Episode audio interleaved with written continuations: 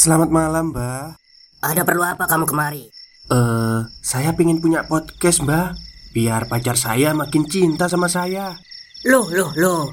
Mau bikin podcast kok tanya dukun? Sekarang kamu download aplikasi Anchor.fm. Di situ kamu bisa buat podcast gratis dan podcast kamu bisa didistribusikan ke platform mana pun. Dan di aplikasi atau website Anchor.fm juga terdapat fitur-fitur yang memudahkan kamu untuk membuat podcast. Oh, gitu ya, Mbak.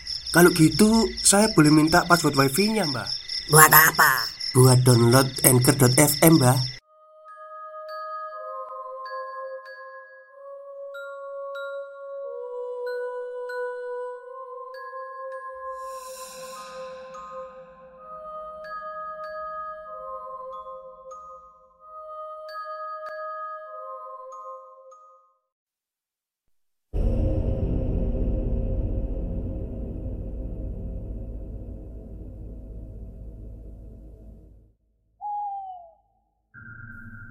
Assalamualaikum warahmatullahi wabarakatuh. Halo semuanya, jumpa lagi dengan saya Chow Sing Sing, kurator dari Podcast Horror Night Story.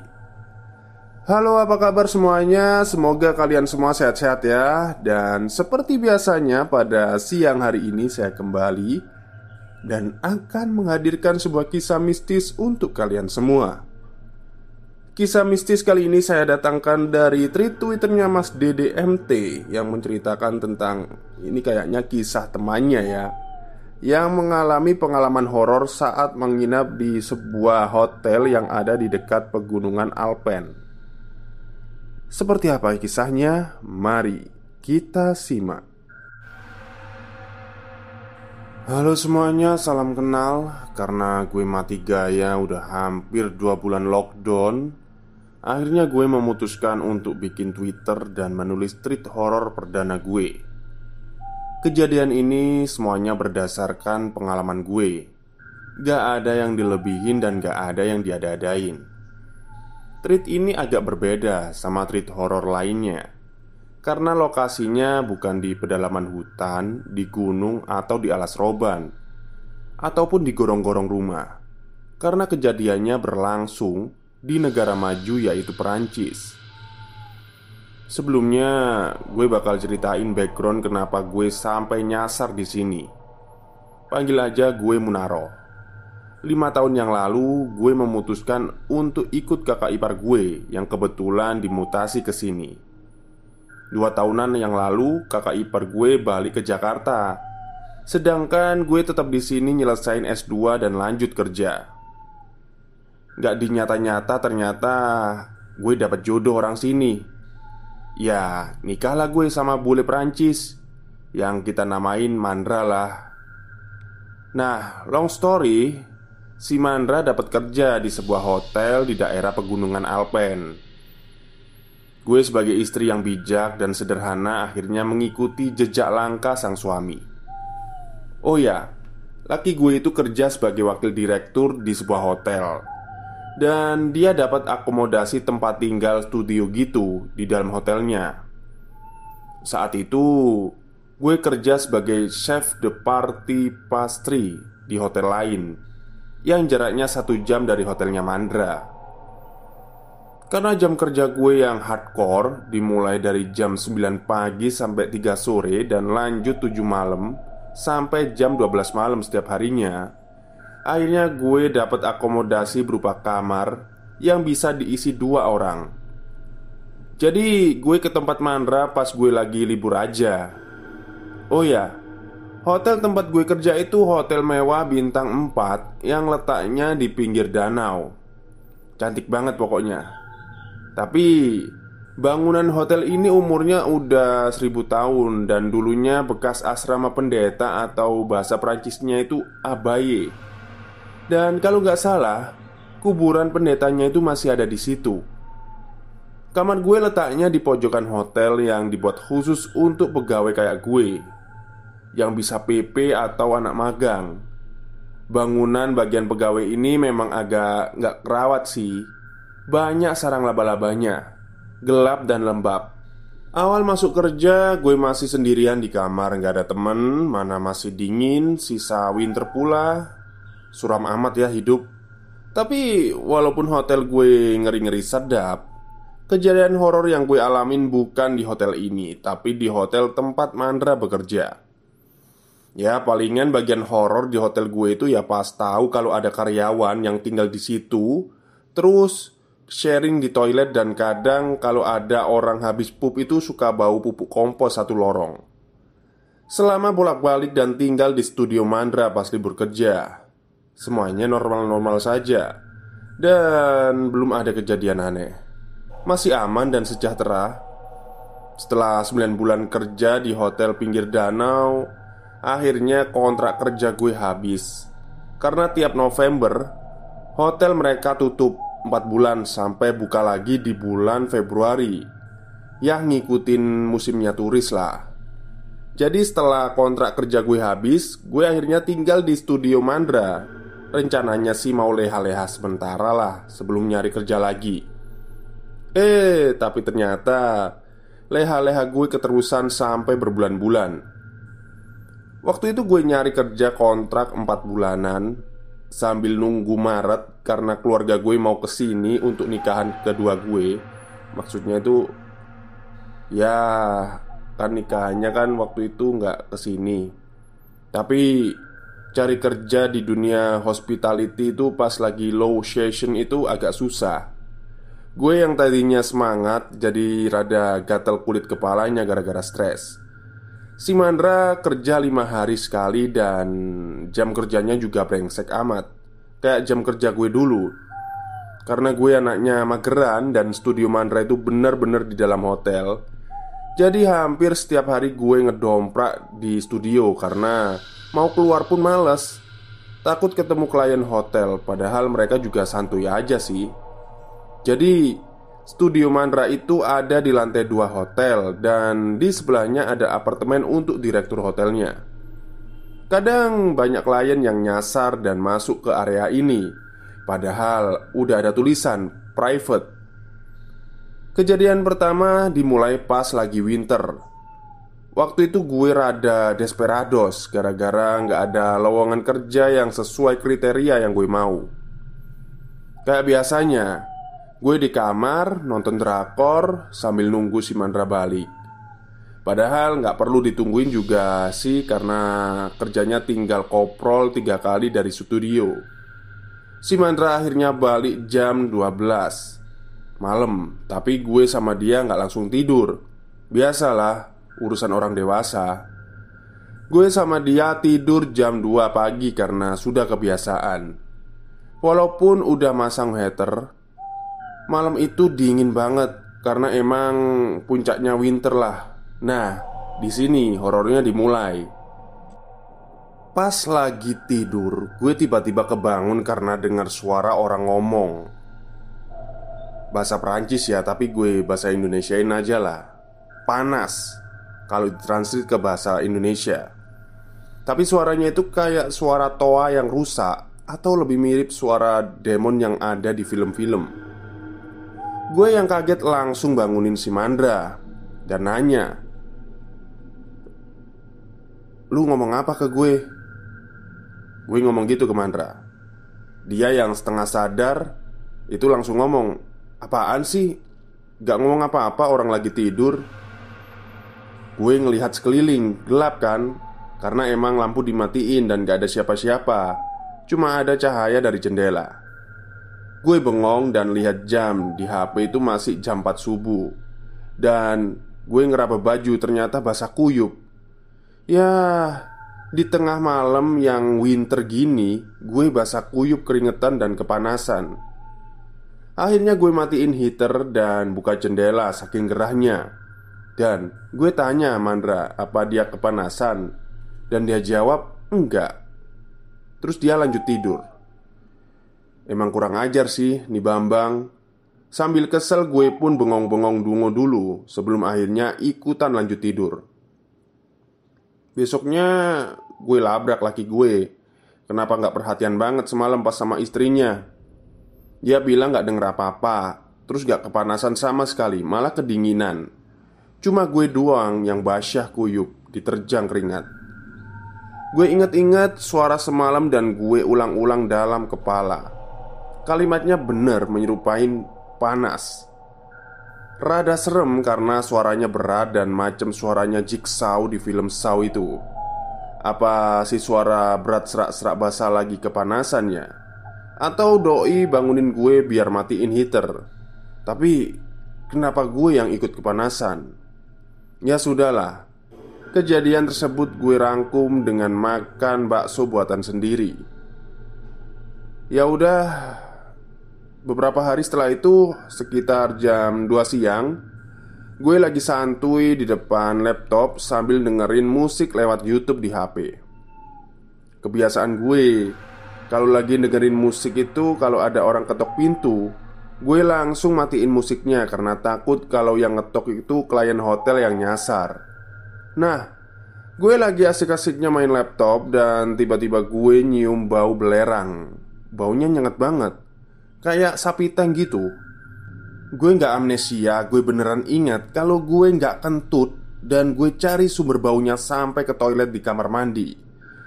Terus nyium di luar jendela Nyium di ini. Ya tapi gue nggak nemu sumber baunya. Anehnya baunya itu tiba-tiba hilang dan muncul lagi beberapa menit.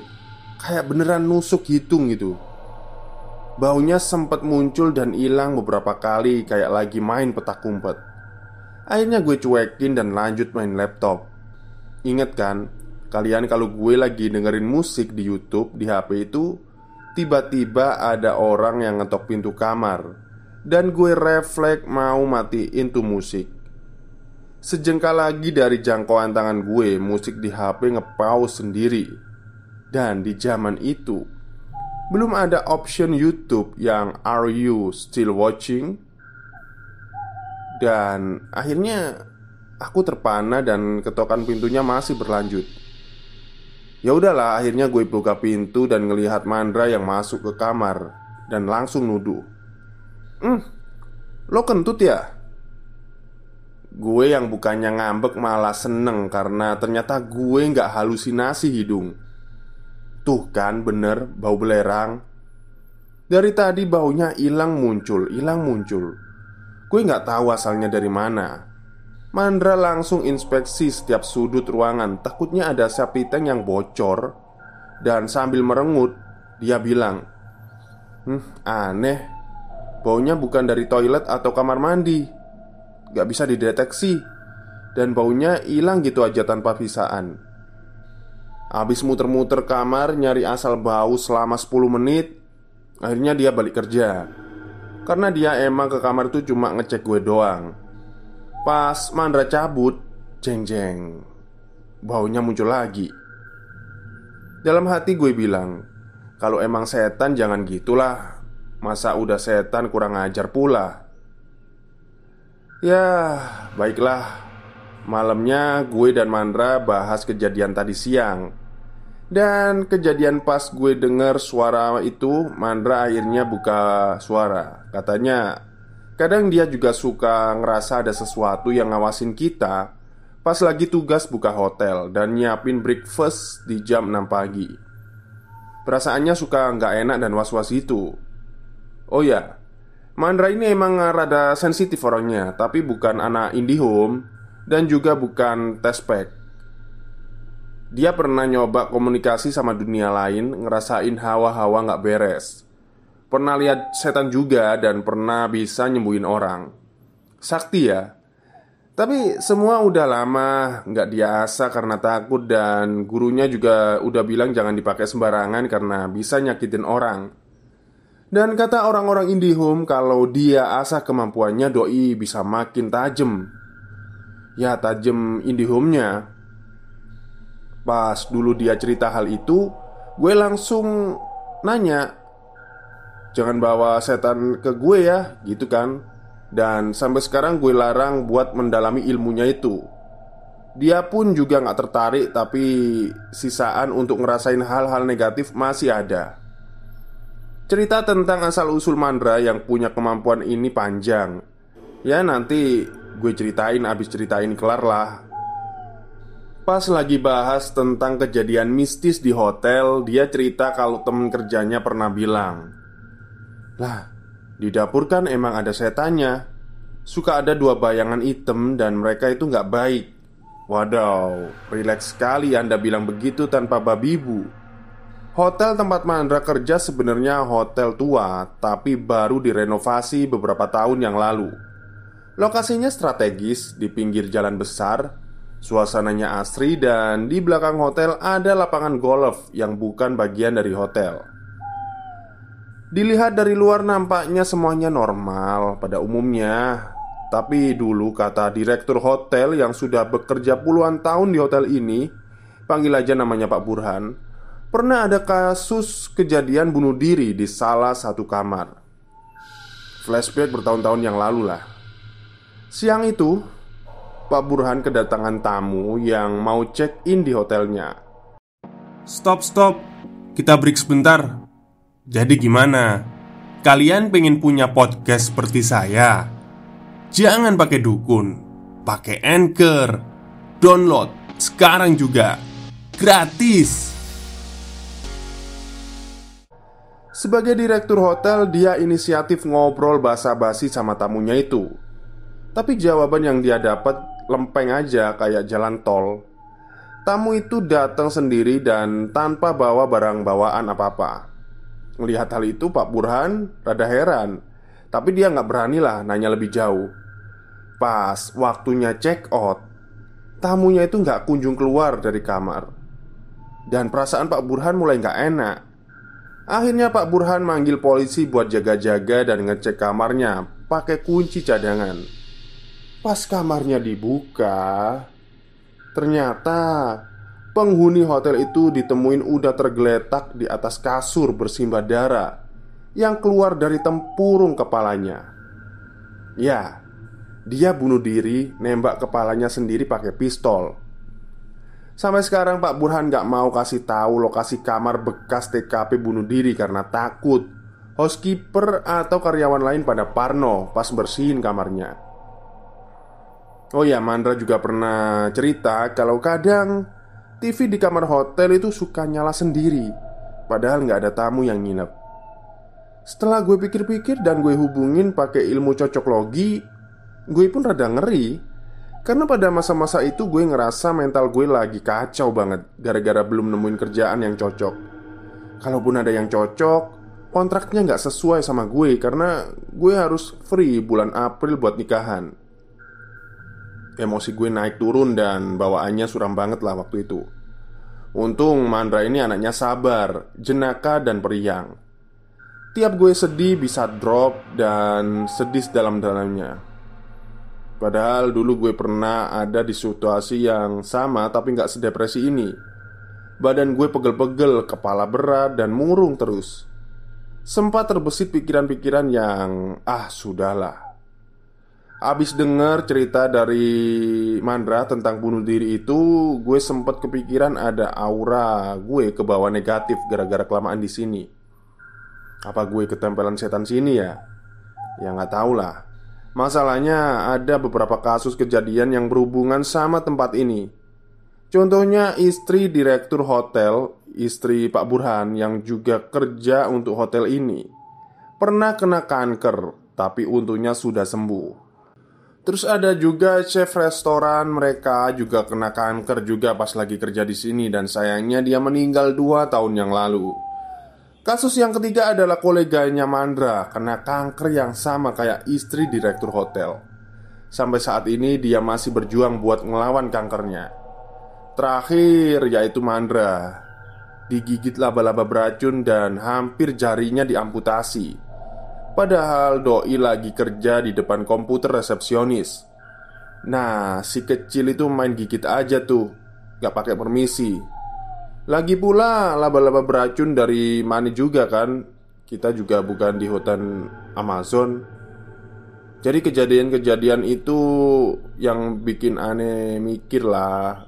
Mandra nggak boleh lama-lama di hotel ini dan Emang dari beberapa bulan yang lalu dia sudah mulai cari-cari kerja di kota lain. Bukan karena digangguin setan sih Tapi emang pingin cari suasana baru. Waktu itu pas Mandra lagi libur Gue dan Mandra lagi siap-siap mau main ski sama dua temennya.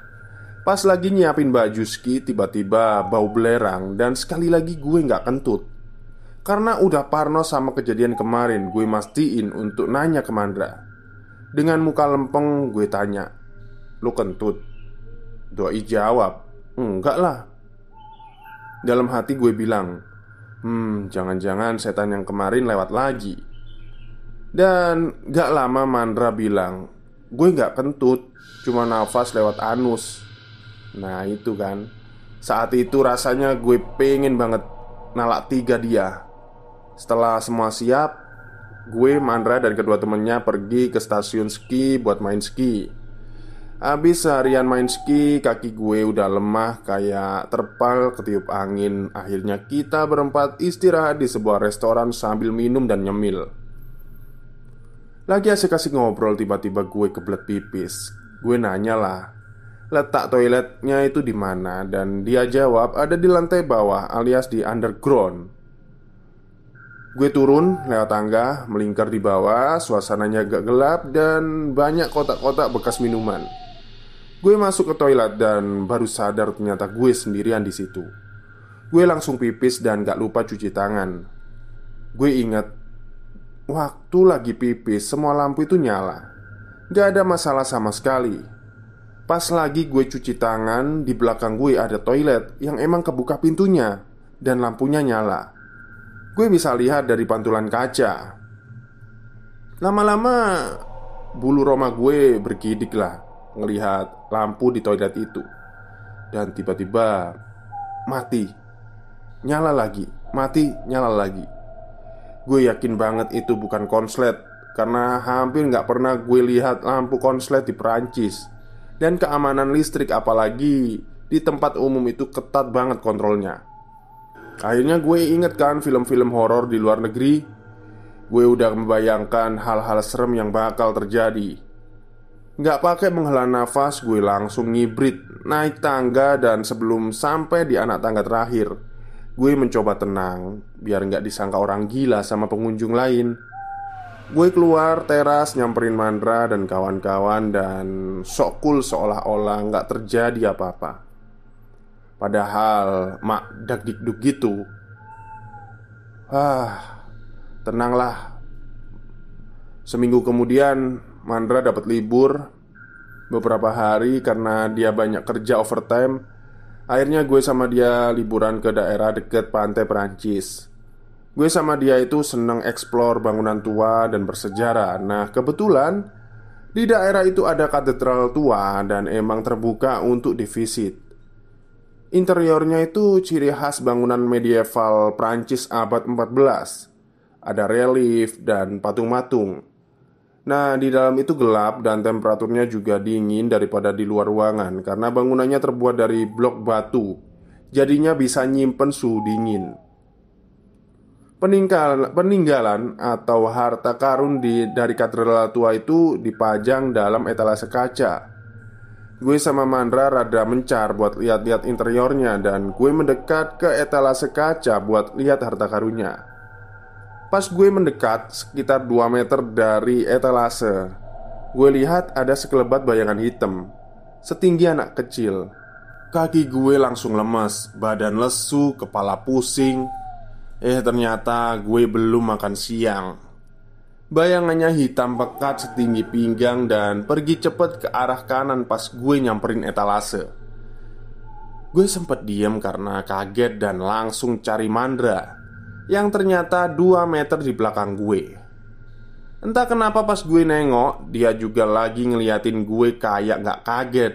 Dan kita lihat-lihatan sampai akhirnya jatuh cinta. Apa sih? Karena gue anaknya mencoba logis Gue rekaman reka ulang kejadian tadi itu siapa? Apa cuma cahaya yang mantul kena kaca etalase atau apalah? Gue reka ulang selama 15 menit. Maju mundur lihat pantulan kaca sendiri Macem lagi nari poco-poco gitu. Nah ternyata gue nggak berhasil menghasilkan pantulan yang sama. Karena jenis kaca itu kaca etalase yang eksposisi Yang nggak mantulin refleksi Kalaupun itu pantulan Gak mungkin bayangannya bisa hitam pekat kayak rambutnya Anggun di iklan shampoo Pentin. Pas udah keluar dari katedral Gue cerita kejadian barusan ke Mandra. Dia pun bilang ke gue kalau perasaannya udah gak enak lah saat baru masuk ke katedral. Waktu gue lihat-lihat sama dia dan abis lihat si bayangan Mandra agak kaget karena dia lagi baca-baca doa dalam hatinya Dia heran karena kesannya gue tahu kalau dia lagi baca doa dalam hati. Makanya gue liatin dia. Padahal mah gue mau manggil dia buat mastiin Apa dia lihat bayangan yang sama atau enggak. Dia bilang nggak lihat tapi karena ngerasa nggak beres Makanya dia mulai baca jampi-jampi. Gue nanya ke dia, lu baca doa apa? Dan dia jawab Gue baca doa ngusir setan lah Belajar dari mana? Pakai bahasa apa? Ada deh Gue dulu diajarin sama madam yang dulu doain gue Ya, habis dengar penjelasannya si Mandra, gue tau lah banyak bayangan yang gue lihat itu apaan. Mungkin falak atau apalah. Atau dia kabur gara-gara lihat muka gue. Entah kenapa semua kejadian-kejadian yang gue ceritain di atas rentan waktunya berdekatan Yaitu pas masa dirt edge alias masa suramnya gue pas di hotel. Gue jadi mikir apa aura suatu tempat bisa mempengaruhi aura seseorang atau aura seseorang yang negatif menarik hal-hal yang negatif pula. Tapi yang pasti mental health itu jangan disepelein. Gue juga baru ngeh kalau setan di sini nggak main visual serem-sereman kayak muka hancur atau apalah. Mereka itu mainnya ke psikologis Waktu keluarga gue datang ke sini untuk nikahan gue kedua yang kedua Gue sempat cerita ke kakak dan nyokap. Sebenarnya mereka sudah biasa sama hal-hal mistis karena mereka juga punya ceritanya sendiri. Karena gue merasa nggak enak Dan pegel-pegel akhirnya gue minta didoain nyokap gue lah. Lah emang nyokap gue dukun? Ya nggak sama sekali sih. Tapi doa ibu itu kan yang paling ampuh Yang pasti semenjak gue dan Mandra pindah dari sana Kami berdua udah jarang sekali sakit-sakitan seperti dulu Gue juga nggak pernah murung lagi karena udah dapat kerjaan baru di kota lain plus dapat support dari orang-orang terdekat. Yang paling penting gue dan Mandra udah nggak pernah ngalamin hal-hal yang di luar nalar lagi untuk sementara waktu. Palingan pundak gue aja yang tiba-tiba panas dingin terus pegel. Tapi intinya kita harus stay positif biar setan pergi. Ya kelar lah sudah kejadian aneh yang bermuasal dari hotel itu. Jadi sorry nggak ada ending Mandra ngejar-ngejar gue masuk labirin pas lagi turun salju sambil manggil. Roh, Munaro, dan penasaran sendiri sampai besoknya ditemuin udah beku. Macem di designing Daku tak menyangka sebenarnya banyak orang yang baca. Ya terima kasih lah. Jadi pingin kayang gue Oke itulah akhir cerita dari tweet twitternya Mas DDMT uh, Ya DDMT Jadi dia ini menceritakan tentang kejadian yang dialami. Mungkin temannya ya ini ya. Mungkin temannya mas DDMT ini ya. Waktu berada di pegunungan Alpen. Baik mungkin itu saja cerita pada siang hari ini Mohon maaf kalau ceritanya sepertinya agak komedi ya. Dan bahasanya juga bahasa sehari-hari yang dipakai. Tapi saya suka sih lebih santai aja. Baik, terima kasih kepada semua yang sudah mendengarkan. Selamat siang dan selamat beristirahat